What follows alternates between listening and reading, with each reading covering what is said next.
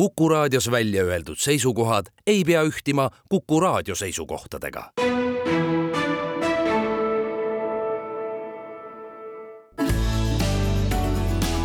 keskpäevatund. Это жизнь, это карма Эй, Привет, город Нарва ja lechuu к тебе kolm tundi veel ja seal oleme vaid ainult me koos . Эй, А это жизнь, это карма Эй, эй, kurud Narva ja mu väike vennelanna tead, ma satan siia harva siis, kui Balti jaamast välja läks. südalinna sagulis mu tunded kinni vagunis, ma esmapilgul nägin ainult seda sinu tagumist, sest särad nagu paabulind ja ründad nagu kotkas, aga südamete sõjas sain ma õla peale pagunud. Davajte võib viski, pagava rimba angliski. Slush. sind valvata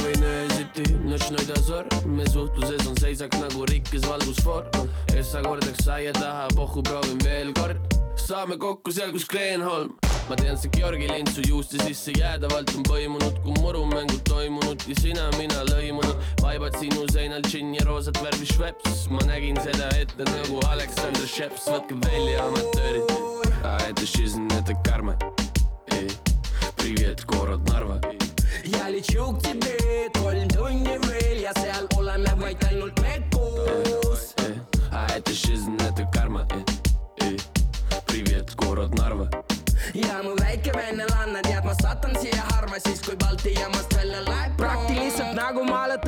maaletaja Paul Keeris , kuigi ise pole pärit siit võitleja olla geenides . ka minu kodus nägu siin räägiti samas keeles , tean , et lärmakad joogised tüdrukud meeldivad meeletult . Твой папа любит деньги, деньги, деньги Я тоже заправлюсь в авангарде, там дешевле Мы вместе любим деньги, деньги, деньги И все же за мой счет всему руров, всему модерну Домой, пора домой, коктейли, сектор газа Siin vaatan , kui kassahitti Coca-Cola plaasas Ma tean , et selles filmis ei saa lüüa kaasa Tahan uskuda , et lõpp on õnnelik ja rahvas ütleb oh -oh. Ai. А это жизнь, это карма Привет, город Нарва ja lechuu к тебе kolm tundi veel ja seal oleme vaid ainult me koos Ai. А это жизнь, это карма Привет, город Нарва ja mu väike vennelanna tead , ma satun siia harva siis , kui Balti jaamast välja läheb proov . Tallyman, tally me banana. uudiseid koduvabariigist. tere, siin Keskpäevatund ja Kuku raadio, meie otsestuudios on Viktoria Ladõnskaja-Kubits ja Madis Kimmel. meile laulis, noh muidugi kõik tundsid ära, see oli Nublu ja kuulus, tema kuulus laul Für Oksana, mis räägib Narvast ja Narvast oligi laul sellepärast, et tänases saates tuleb meil Narva sündmustest ja nendest tendentsidest, mis seal toimuvad, üksjagu juttu, aga me alustame siiski kõige tähtsamast ja kõige tähtsam on kahtlemata meile julgeolek, sellepärast et milleks meil on vaja Eesti Vabariiki kõige rohkem, see on selleks, et me teaksime, meie kiir, meie piirid on kaitstud, me võime rahulikult elada oma kodumaal. Ja sellel nädalal selgus, et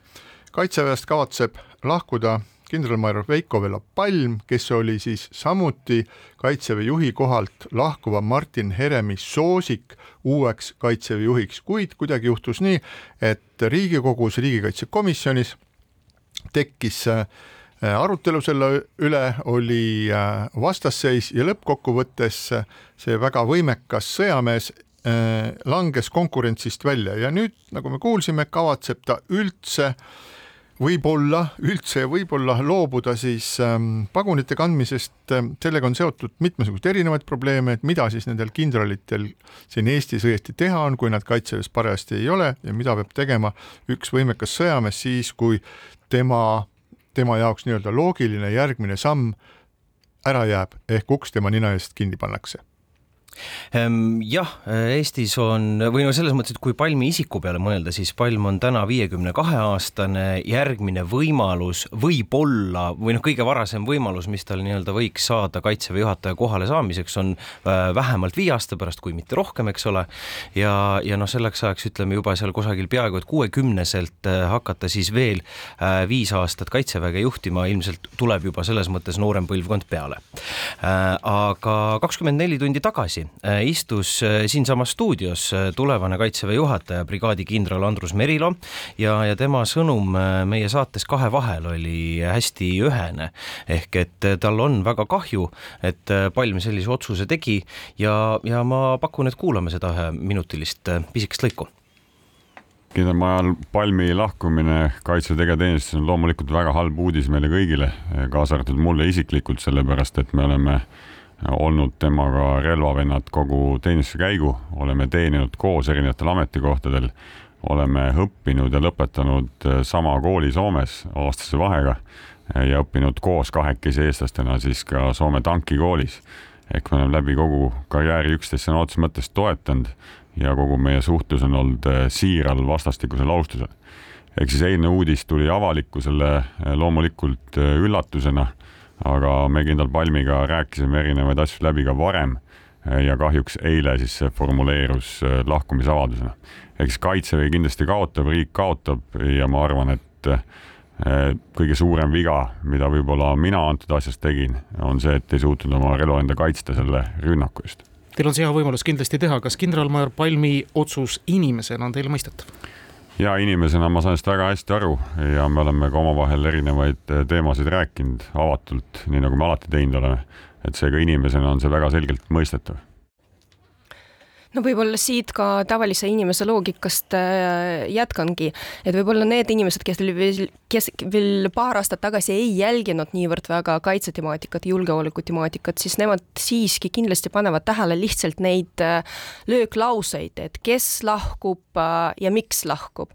ja neid lahkujaid oma ametist ja siis need ametid kõik olid väga kõrged, on ju olnud terve rida. et küll erinevatel põhjustel, aga siiski Sinisalu Herem, Palm ja siis Marran ka, et kõik nad tõepoolest rõhutan, et väga erinevatel põhjustel on lahkunud, et ühel on ametiaeg lihtsalt oli läbi, teisel konflikt, kolmandal oma teist, teist laadi väljakutse kuskil mujal. aga siiski see kõik nagu loob fooni. Ja siis, kui sa tavalise inimesena nagu mõtled, et praegusel olukorral siis, kui riik kõige rohkem vajab rõhku just seoses selle teemaga kusjuures mina nimetaksin seda teemat mitte päris nii, nagu me võib-olla proovime seda sõnastada julgeoleku teema, vaid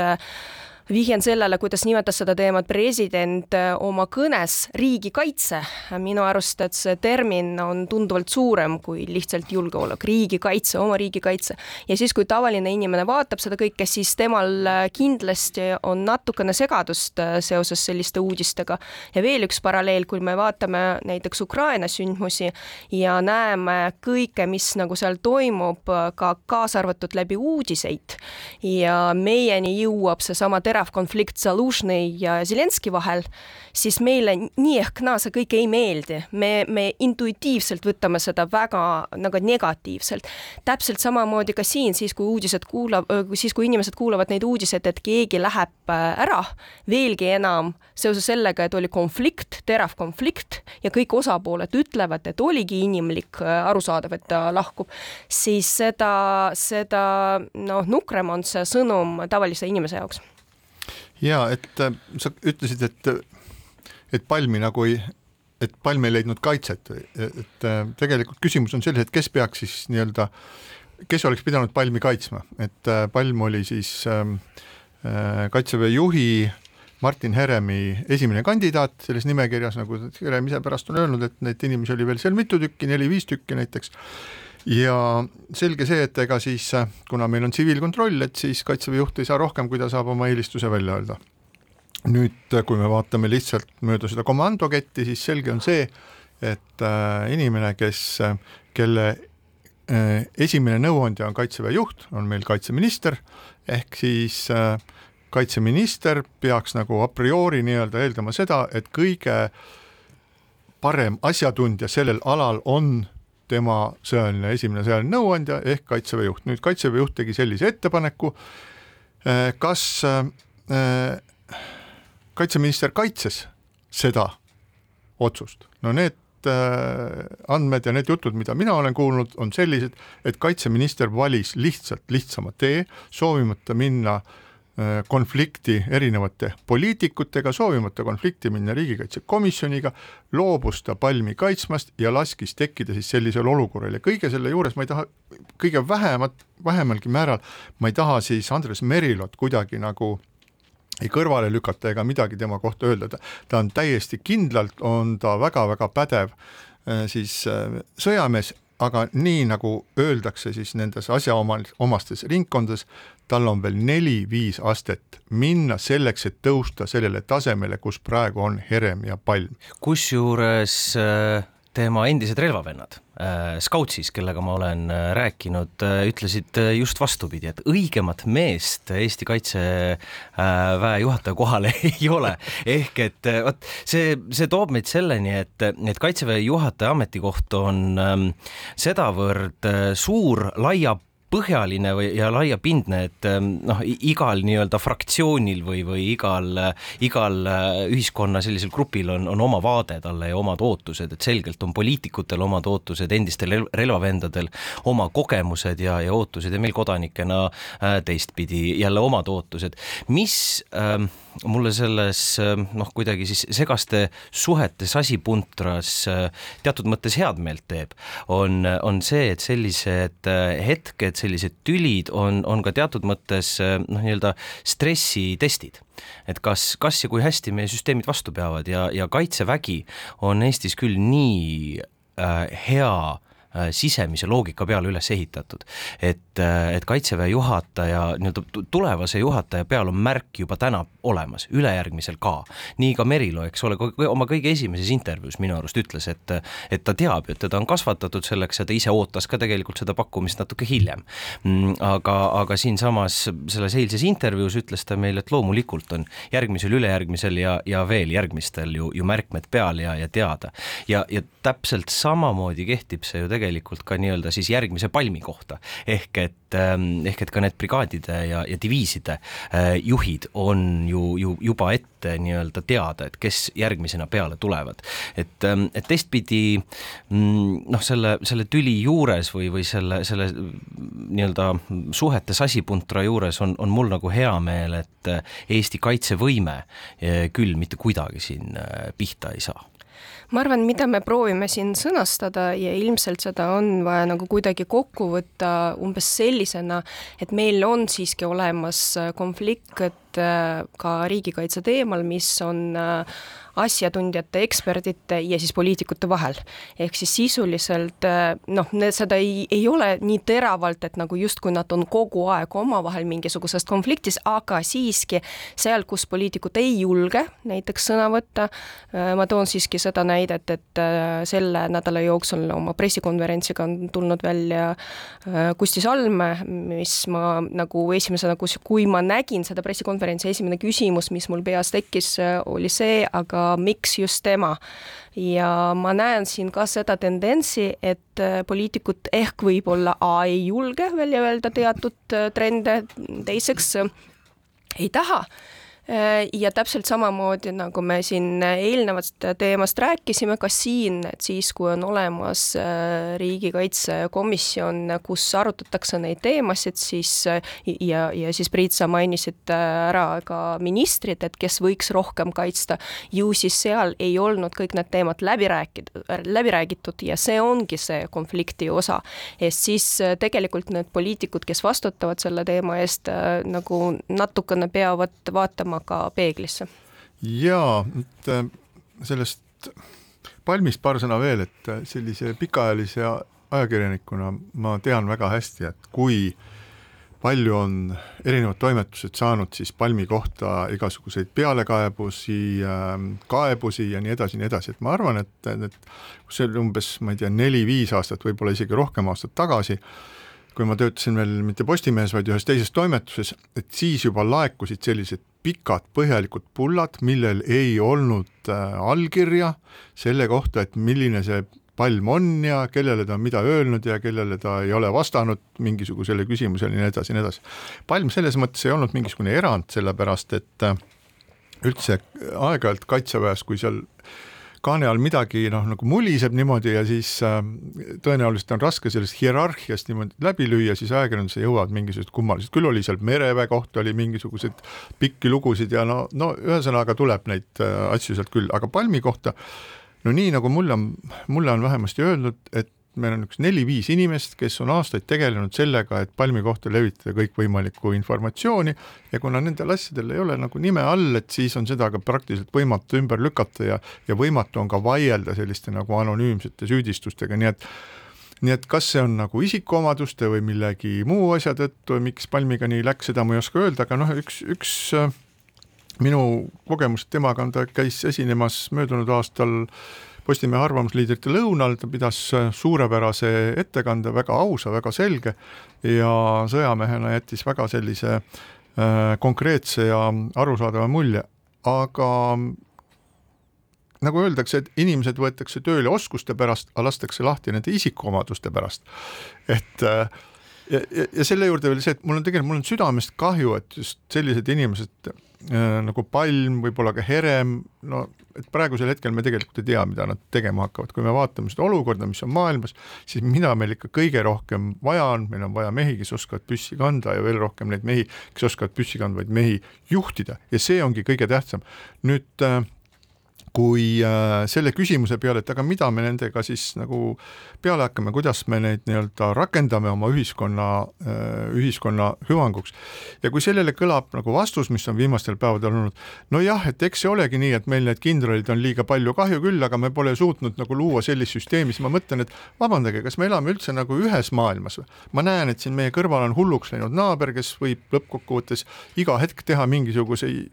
vajutada nupule või saata mingisuguseid äh, droone, see on täiesti võimalik, mitte miski ei ütle, et see on võimatu. ja samal ajal me ütleme, et no jaa, et meil nagu ei ole kindralite jaoks veel selliseid kohti mõeldud, et see on nagu, see näitab, et äh, need inimesed, kes selliseid vastuseid annavad või sellest räägivad, nad, nad ei ela selles reaalsuses, nad elavad mingis muus reaalsuses. sellega saab äh, tõesti ainult äh, nõus olla, kui, kui Palmist veel rääkida, siis võib-olla ma selle tsitaadi nüüd omistan täiesti meelevaldselt Winston Churchillile, kes ütles, et et kui sul neljakümneselt pole vaenlasi, siis sa oled järelikult oma asja valesti ajanud, et et need, need niisugused anonüümsed pealekaebamised võib-olla näitavad ka seda, et mm, just tema nii-öelda mitte siis juhi omadusi, vaid seda, et ta kindlakäeliselt mingit üht või teist asja on, on ajanud ja, ja eks see käib väga paljude äh, sõjaväeliste juhtide kohta äh,. mis, mis puudutab seda ausust ja, ja, ja tõe rääkimist, siis eile äh, pärast sedasama brigaadikindrali intervjuud ma mõtlesin, et kui sa räägid ausalt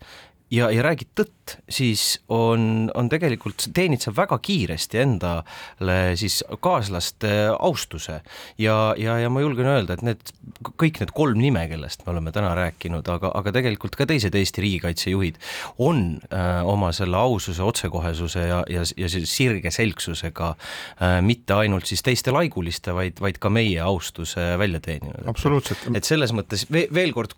kui, kui selles jamas nii-öelda või selles hallis ilmas mingit päikesekiirt näha, siis, siis on need kindlasti mehed, kelle, kelle taha eestlased on valmis koonduma. on nii, aga äh, Viktoria mainis juba siis Kusti Salmi seda pressikonverentsi ja see on üks väga huvitav, väga huvitav sündmus, millele tasuks tähelepanu pöörata, et see ei ole üldse tavaline, et ühe ühe ministeeriumi kantsler korraga teatab, et ma teen homme pressikonverentsi ja sinna lendab terve parv ajakirjanikke kohale. et äh, sellist asja tehakse kas mingisugustel erakordsetel puhkudel, mis on üks asi, aga teine asi on see, et äh, ajakirjandusel on niivõrd palju, mida kajastada, et äh, isiklikult füüsiliselt tullakse kohale siis, kui sellel kutsujal on selline tugev autoriteet, et teatakse, et see inimene räägib õigeid asju ja tal on midagi konkreetset öelda ja, ja üks selline asi oligi siis see Kusti Salmi äh, pressikonverents, kus ta siis, ähm, kus tema põhi, põhipunktid olid, võib-olla ma, püüaks nagu seda konteksti kirjeldada, et mis, mis oli selle pressikonverentsi kõige olulisem mõte. selle kõige olulisem mõte oli äratada ühiskonda äratada poliitikuid, äratada võib-olla ka kõrgeid ametnikke, täpselt selles samas asjas, me elame äärmiselt ebakindlas maailmas, taas on Eesti eksistents ehk see, et kas Eesti Vabariik püsib või kaob, on sattunud täiesti küsimärgi alla, me ei suuda prognoosida seda, mida juhtub ja me peame ühiskonnana tegutsema ühiselt selle nimel, et ennast julgeoleku poolest kindlustada ja suuta ja osata ennast kaitsta. Ja kui ma praegu vaatan siis noh, nagu diskussioone, mis toimuvad Riigikogus, mis toimuvad valitsuses, siis mulle toimub to,, tekibki jälle selline tunne, et see on nagu kaks erinevat nagu sellist maailma, et äh, seal on ühed inimesed, kes räägivad meile rohepöördest ja siis sellest, et äh, kuidas seal äh, lehmad on võib-olla kahjulikud, sellepärast nad tekitavad metaani ja nii edasi. ja samas on üks hullumeelne pääsenud ketist lahti ja vehib rakettidega meist tuhande kilomeetri kaugusel. et kuidas see üldse võimalik on, et mispärast valitsus ja Riigikogu ei aruta pingeliselt ja kasvõi või iga päev, nii et ka avalikkus teaks neid küsimusi, mis puudutavad meie julgeolekut. sellepärast, et kui asjad lähevad halvaks, siis me peame olema suurepäraselt ette valmistatud ja, ja Kusti Salmi pressikonverents koos kõikide nende detailidega oli väga suunatud sellele, et teadvustada seda eksistentsiaalset ohtu, ma just seda sõna eksistentsiaalne, seda rõhutan, see tähendab seda, et, et meie olemasolek vaba riigina ja vabade inimestena on praegu kaalul ja see peab olema tõsiseltvõetav eesmärk, millega tegeletakse eh, nii-öelda kõige kõrgemal tasemel no just äh, selles ma proovisingi ka öelda siis, kui ütlesin, et see on nagu konflikt, ma ei tea, kas kas ma õigesti sõnastan, et see konflikti mõiste kui selline, et kus kohas jookseb see joon, lihtsalt et tundub, et tõepoolest poliitikud tegelevad pigem oma retoorikaga, oma siseasjadega. me nägime ka uudiseid sellest, et kuivõrd kirglikult äh, näiteks Eesti kahesaja juhatus arutab oma siseasja, et kes seal astub välja, samal ajal just see inimene tegeleb riigikaitse temaatikaga või siis kinnitatakse või mitte kinnitatakse äh, eelarvet oma erakonnasisest asja. et äh, ja meie proovime nagu vaadata seda ja panna seda konteksti, kus hoopis teine inimene, nii-öelda taustajõud tuleb välja ja proovib sõnastada probleemi, mis tegelikult on poliitiline rida, ehk siis neid asju, keerulisi asju on, need asjad on õhus, need asjad on tegelikult mitu kuud juba õhus, äh, äh, sellest rohkelt räägitakse ka välisajakirjanduses, sellest rohkelt räägitakse ka näiteks Ukraina allikate kaudu ja nüüd siis oli vaja seda sõnastada mitte kuidagi patriootlikult, et küll me saame, küll me kindlasti saame, aga on, oli vaja seda sõnastada nii, et see punane lambike hakkaks põlema ja just poliitikutel ilmselt. sellepärast on selline isik, kes on tulnud välja ja sellepärast ilmselt ka selline sõnum, mis ei ole nagu noh, silitatud. Ehm, ühtepidi ma tahan elada riigis, kus räägitakse sellest rohepöördest ja, ja sellest, et kas, kas nüüd lehmad puksutavad liiga palju või mitte, aga selle kõige eeldus on sinimustvalge lipp Toompea tornis ja, ja kaitstud riigipiir, see on, see on kõige alus, see on nagu selge. Äh, teistpidi see, see poliitikute tahe äh, tegeleda kõikvõimaliku muuga on noh, teatud mõttes nagu diagnostiline, et,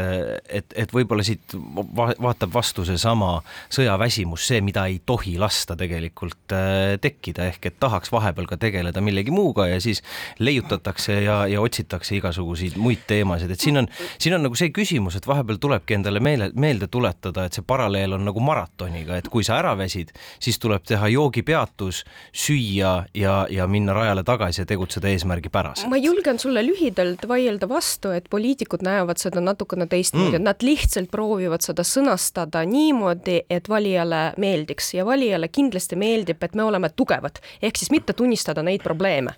ja siis, kui sa sõnastad, et tegelikult teate, et siin ja siin ja siin on meil probleeme,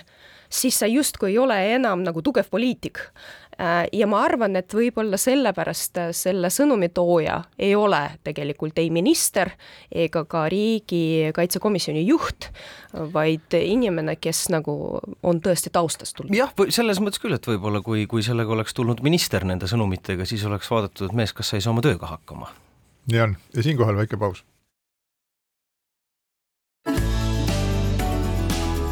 keskpäevatund. keskpäevatund jätkab Tallinna otsestuudios Viktoria Ladõnskaja-Kubits ja Madis Kimmel ja läheme nüüd Narva teemade juurde, sest alustasime oma saadet Nublu toreda Narva lauluga ja Narva on andnud sel nädalal tõesti hästi palju mitmesugust kõneainet, uudiseid sealt aina tuleb, aga ei saaks öelda, et need on sellised nagu toredad uudised. üks äh, suuremaid teemasid, mis, millega Narva praegu pealkirjadesse jõuab, on siis Narva haigla juhi vahetamine, et teatavasti on siis äh, Narva haigla juht äh, Ago Kõrgvee on sattunud siis kohaliku linnavolikogu no mina ütleks küll kiusamise alla. Ja talle on esitatud süüdistusi, teda on lubatud siis mingisuguse finantsdistsipliini või mille iganes seal rikkumises.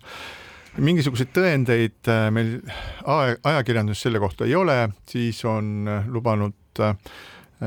Aleksei Jevgrafov,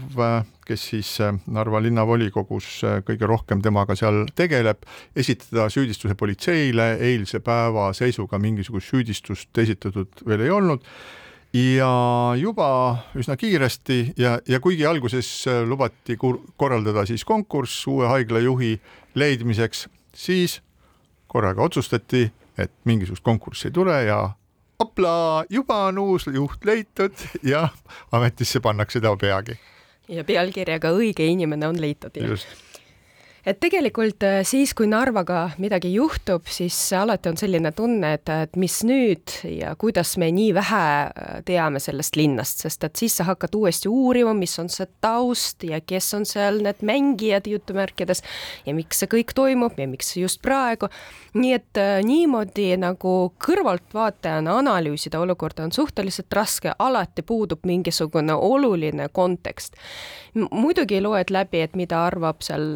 nii nii Katri Raik, endine linnapea, aga ka härra Jevgrafov, kes on ka endine linnapea. ja siis vaatad, mina panin tähele, mida, mina panin tähele esiteks seda, et kui palju inimesi on tulnud välja, mis on meie kontekstis ei ole tegelikult niivõrd levinud, et inimesed päriselt füüsiliselt lähevad äh, välja ja streigivad. siis sa rääkisid sellest, et toimus ka meeleavaldus? jah, meeleavaldus ja, ja, ja, ja just. ja siis äh, eelmine kord, kui selline, selline sündmus oli Narvas, oli ta seotud siis Katri Raigi äh, nagu mahavõtmisega linnapea kohalt ja kui palju inimesi on tulnud, me kõik nägime pilti ja rõõmustasime, et üsna mitu inimest on kohal. tegelikult seekord on tulnud rohkem välja. kakssada ligikaudu kaudu. ja, ja see on äh, suur number ja see tähendab, et siiski need on peamiselt haiglatöötajad, aga siiski, et äh, see tähendab, et kuskil ka Narva sees ehk siis äh, sealses kogukonnas ka see uudis plahvatas, ehk siis nagu tegelikult ei toeta. pluss siis kogu see ajakirjanduslik vöönd, et, et teemad, mis läksid nii ehk naa sisse, eestikeelsele haridusele üleminek äh, ja siis üleüldiselt eestikeelne, eestimeelne äh, linn ja ka see, et need süüdistused, kas nad siis on päris nagu adekvaatsed või ei ole ja nagu, nagu kirss selle tordi peale on tõesti see konkurss eh, või siis selle konkursi mitte läbiviimine. et see kõik tundub nii veider, et ma ei kujuta ette, kuidas praegusel hetkel härra Jevgrafov peab sealt äh, välja tulema, kuigi ma saan aru, et no nii palju, kui ma suudan analüüsida, kui ta saatis ise nagu siis nii Postimehele kui ka Delfile ilmselt mingisuguse artikli, kus ta proovis põhjendada ja tõepoolest ütles, et see kõik ei ole poliitiline, aga sa vaatad selle peale ja ikka aimad, et no küsimusi on? Ma sellesse teemasse nii-öelda minnes mõtlesin, et ma püüan olla saatana advokaat, aga no ei ole mitte kuidagi võimalik, tee mis tahad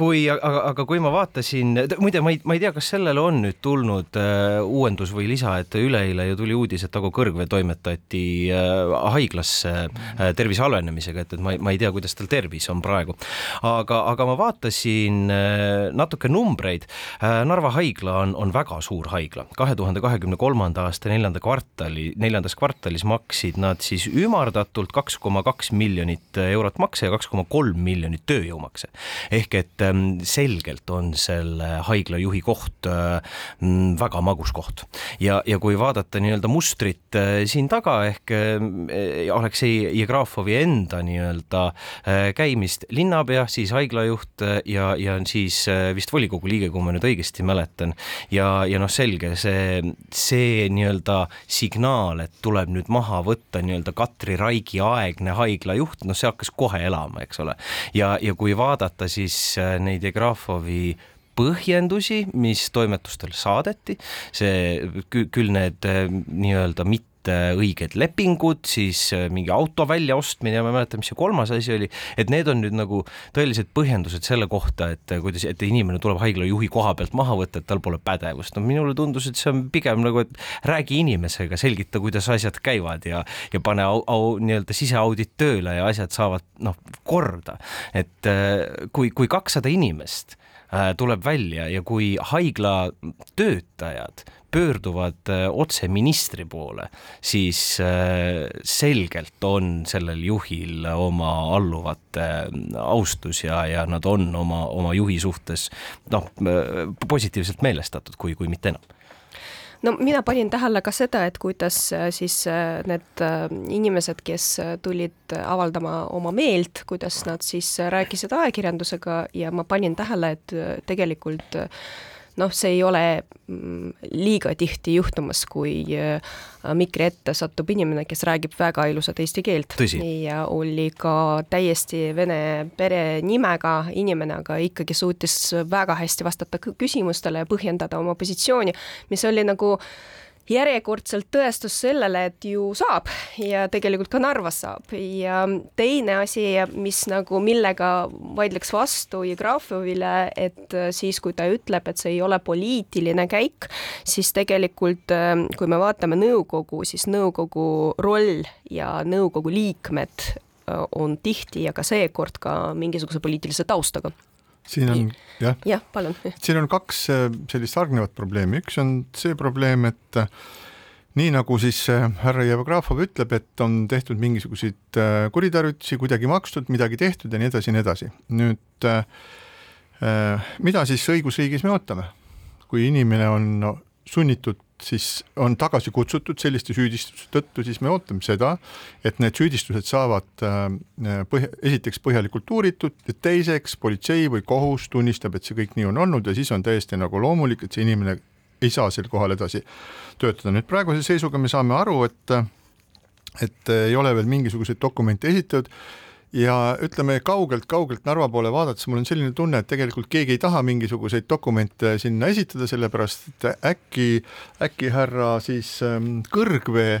ähm, palkab endale mingisuguse väga hea advokaadi ja selle lõpptulemusena ühesõnaga ta tuleb siis nii-öelda sirge selja ja püstise peaga tuleb sellest kõigest välja ja nüüd, mis siis saab edasi ja see ongi nüüd küsimus, et äh, kus Eesti Vabariigis toimuvad kummalised asjad.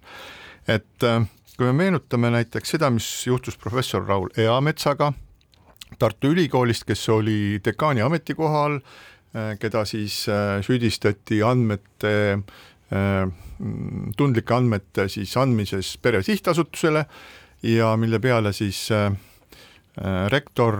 Asser mõistis ta üheselt hukka ja härra Eamets kaotas oma töökoha siis tänaseks päevaks ja läks üldse, praeguseks ta on Bigbanki nõunik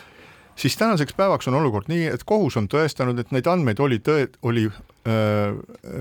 oli lubatud ära anda ja ta ei ole sooritanud ka mingisugust nii-öelda ametkondlikku mingisugust väärtegu, ehk teiste sõnadega, nii politsei kui kohus on öelnud, Raul Eamets on täiesti puhas poiss. nüüd ma ei ole näinud mitte midagi selles suunas, et teda kutsutakse sinna tagasi, öeldakse, et sorry, Raul, aga no, no ausalt, no jäi selline mulje, vabanda väga, ei, kõik teevad nägu, et mitte midagi ei ole juhtunud, meenutame siis nagu Aivar Mäe juhtumit, kes oli siis äh, Estonia juht, samamoodi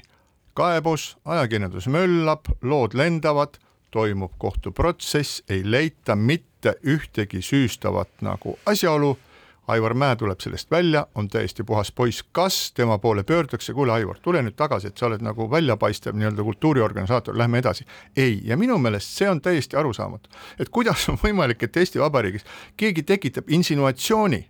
Hea küll, võib-olla isegi mingid kahtlused olid, aga kui kohus ja politsei on öelnud, et see inimene ei ole süüdi, miks siis midagi enam ei muutu, miks jääbki kõik täpselt samamoodi ja see on tohutult ebaõiglane mu meelest. siin on kaks suurt teemat ja üks äh, see suur teema, millest sina rääkisid, siin tegelikult on oluline osa ka meedial, ajakirjandusel, et kuidas see tühistamiskultuur on meil üldse nagu kasvanud ja tegelikult on juba täitsa nagu näitab oma ilmet mitte ainult seoses mingisuguste kõrgemate kohtadega, vaid ka, ma ei tea, spordiga, vaid ka muude teemadega, kultuuriga, et kus lihtsalt visatakse mingisugust kahtlust ja seda võib tegelikult noh, meedia poole pealt väga lihtsalt tekitada, panna kirja pealkirja küsimärgiga ja ongi juba konflikt nagu sündinud.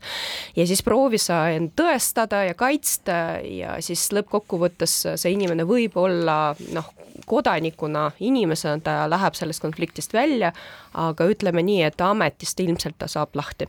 et see on siis äh, nagu see üks äh, osapool, teine, mis on üldse seotud selle tervisevaldkonna teemaga, et kui me vaatame, siis mitte ainult Narva haigla ei ole sattunud uudistesse, äh, tegelikult eile ja täna kirjutatakse ka Kuressaare, Saaremaa haiglast, kus on ka nagu konfliktne olukord ja kus järjekordselt tulevad suunised, et mida haigla tohib, mida haigla juht tohib lubada ja mida ta ei tohi lubada endale, et südame stimulaatoreid, kas nad võivad koha peal panna või nad ei saa seda panna ja siin äh, tekib ilmselt ka teravam vaidlus, ma tuletan meelde, et tegelikult äh,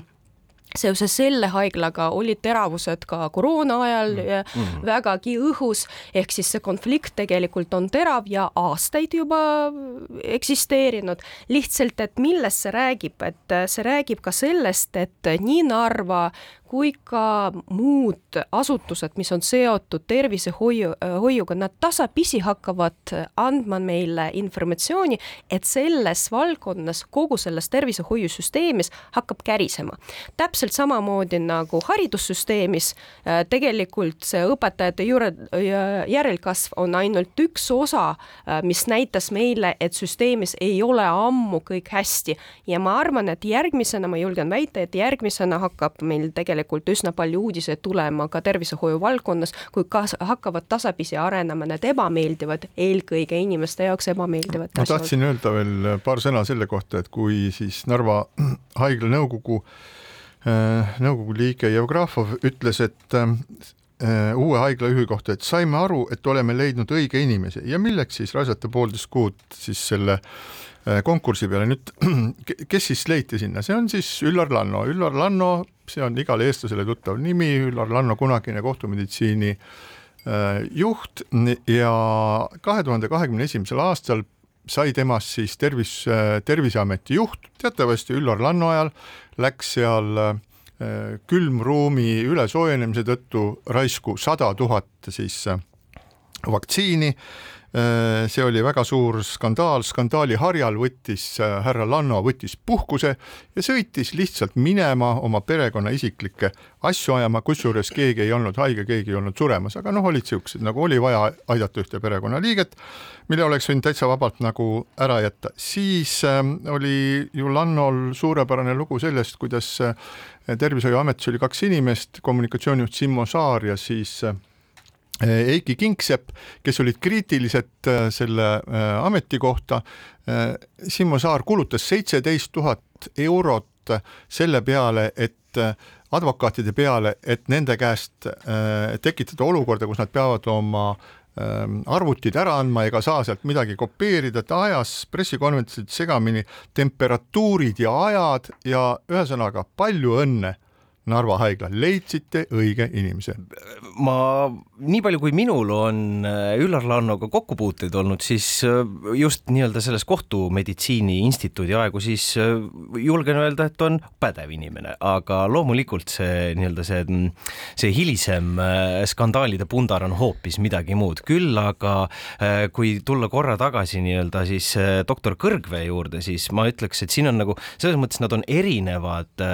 juhtumid Mäe, äh, Raul Eamets ja, ja siis äh, Kõrgvee, et Kõrgvee on selline klassikaline kangutamine, aga need teised kaks on tavaline moraalne paanika, mille kohta noh, hiljem tuli välja, et polnud paanikaks ju põhjust. selleks oligi vaja konkurssi ja nõukogu pidi otsustama seda just konkursi kasuks, selleks, et me siin äh, ei räägiks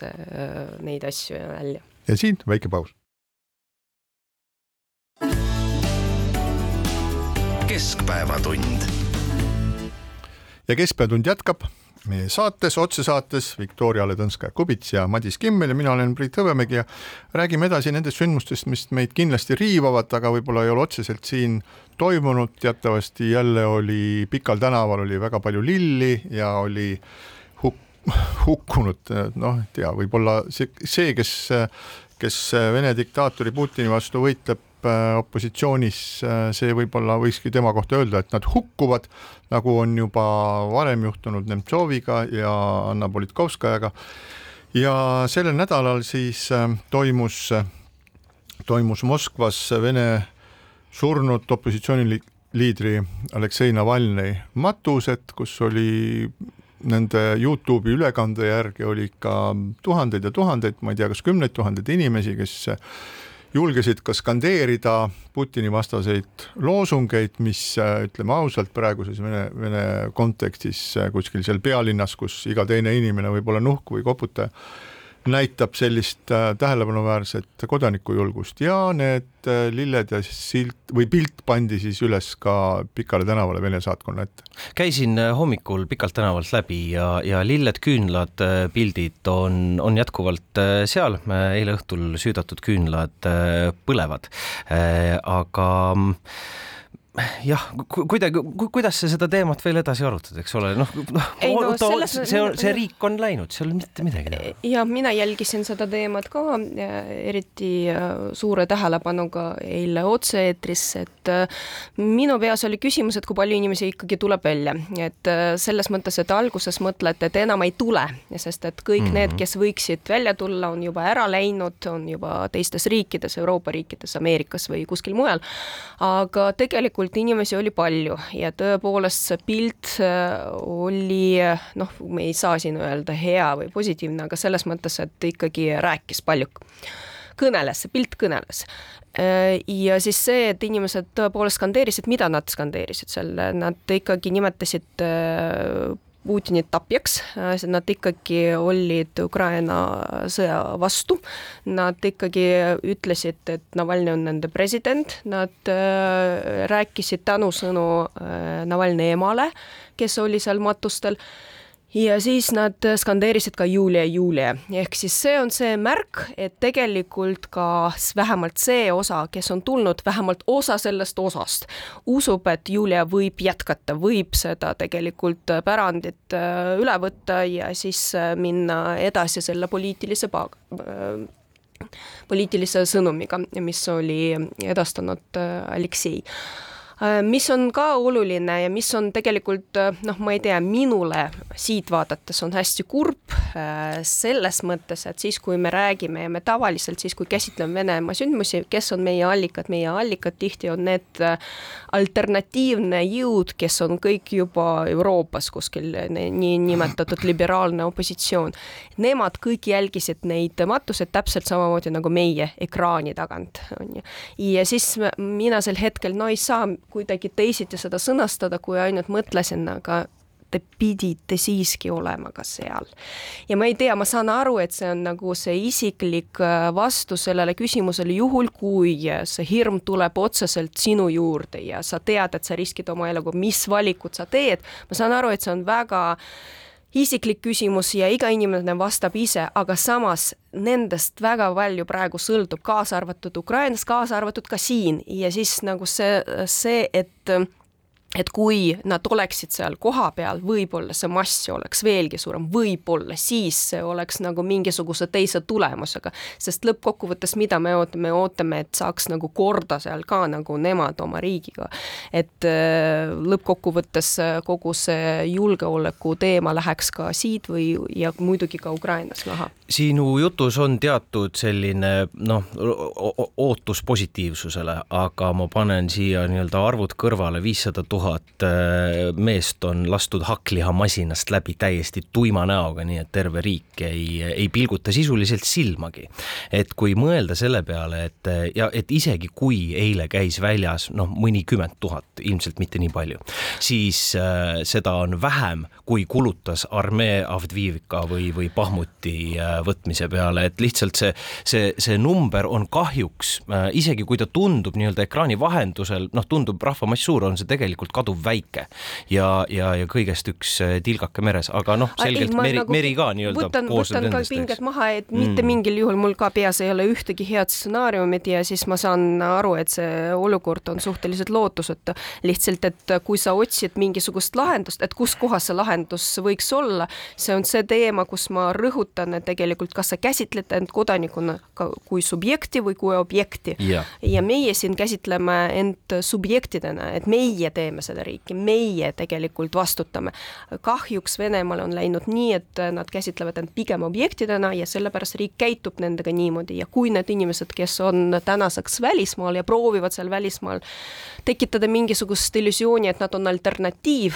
tegelikult alternatiiv oli see, kes tänaseks on maetud. tõsi seal ähm, küsimus sellest, et kas siis Navalnõjast võib saada Navalnõi järglane, noh, meil on üks näide olemas, meil on Tsihhanovskaja on meil olemas. Tsihhanovskaja puhul, kes siis äh, no vähemasti e-, etendab või et, e-, esindab või etendab siis Valgevene opositsiooni, no ei saaks öelda, et ta on nagu väga äh, väga edukas selles kõiges olnud, et jah, päris alguses ta oli ta nagu, tekitas ta sellist nagu äh, tekitas vastukaja, aga praegu noh, suurel radari peal nagu teda päriselt ei ole, no üks osa kindlasti on see, et Tsihhanovskaja ähm, tema selja taga ei olnud mingisugust sellist noh, nagu võimsat äh, finantsmasinavärki ehk et ta on lihtsalt, ta oli nagu lihtsalt üks naine, kes, kelle kaitse, ülalpidamine, esinemised, need kõik pidi, mingid riigid pidid selle nagu kinni maksma lihtsalt, nüüd kui me vaatame seda, kuidas on tegutsenud Navalnõi, milliseid metsikuid ressursse on vajanud kõik need selle Navalnõi poolt tehtud filmid ja nii edasi, siis on täitsa aru saada, on see, et need ressursid, mis on Navalnõi all kasutada, need on hoopis teistsugusest nagu klassist, et need on tõepoolest, need on miljonid ja miljonid, mida saab kasutada ja need huvid on ka palju, palju suuremad, mis tema selja taga on, et nii et see oleks tore, kui ta suudaks seda, seda rolli kanda, aga siis äh, sa, Madis, ütlesid, et noh, et äh, kuidagi, et äh, et noh, et lootust pole või midagi taolist, mina nagu Venemaa puhul kasutan ühte lauset, mida on väga paha välja öelda, et mul on selline tunne, et inimesed on raisus. on. ja need inimesed on, Venemaa kodanikud on suurel, suures osas raisus, see kõik on kestnud väga kaua, kõik ütleme, alustame seal nagu kuivõrd äh, agaralt õppisid äh, siis vene vürstid äh, mongoli ja tatari khaanidelt, nad ületasid orjameelsuses oma õpetajaid, nad suutsid selle siis Vene ühiskonda üle kanda. Minnes edasi siis nagu Ivan Julma, Peeter Esimese reformideni, imperiaalse mõtteviisini ja sealt edasi ja sealt edasi ja lisaks sinna veel see õudne kahekümnes sajand, et et äh, põlvkondade kaupa on inimestele pähe taotud äh, ühte ja ühte ja sama asja, see on äh, Vene maailma ülimuslikkus ja teisest küljest täielik hoolimatus kaaskodanike vastu ja ma ei usu, et seda kuidagi saab parandada. mis Navalnõid eristab minu meelest teistest Vene opositsionääridest, noh, kelle hulka ma pean ka näiteks Jukose endist juhti, eks ole, on see, et kui sa lähed Hodorkovskit, siis kui sa lähed välismaale siis tegelikult sinu see noh, jõuõlg äh, lahustub. ehk miks Navalnõi jäi selleks, kes ta on, on see, et ta otsus-, ta teadis, et ta läheb vangi ja ta läks Venemaale tagasi. ja siinkohal paneme tänasele saatele punkti ja kohtume taas nädala pärast. keskpäevatund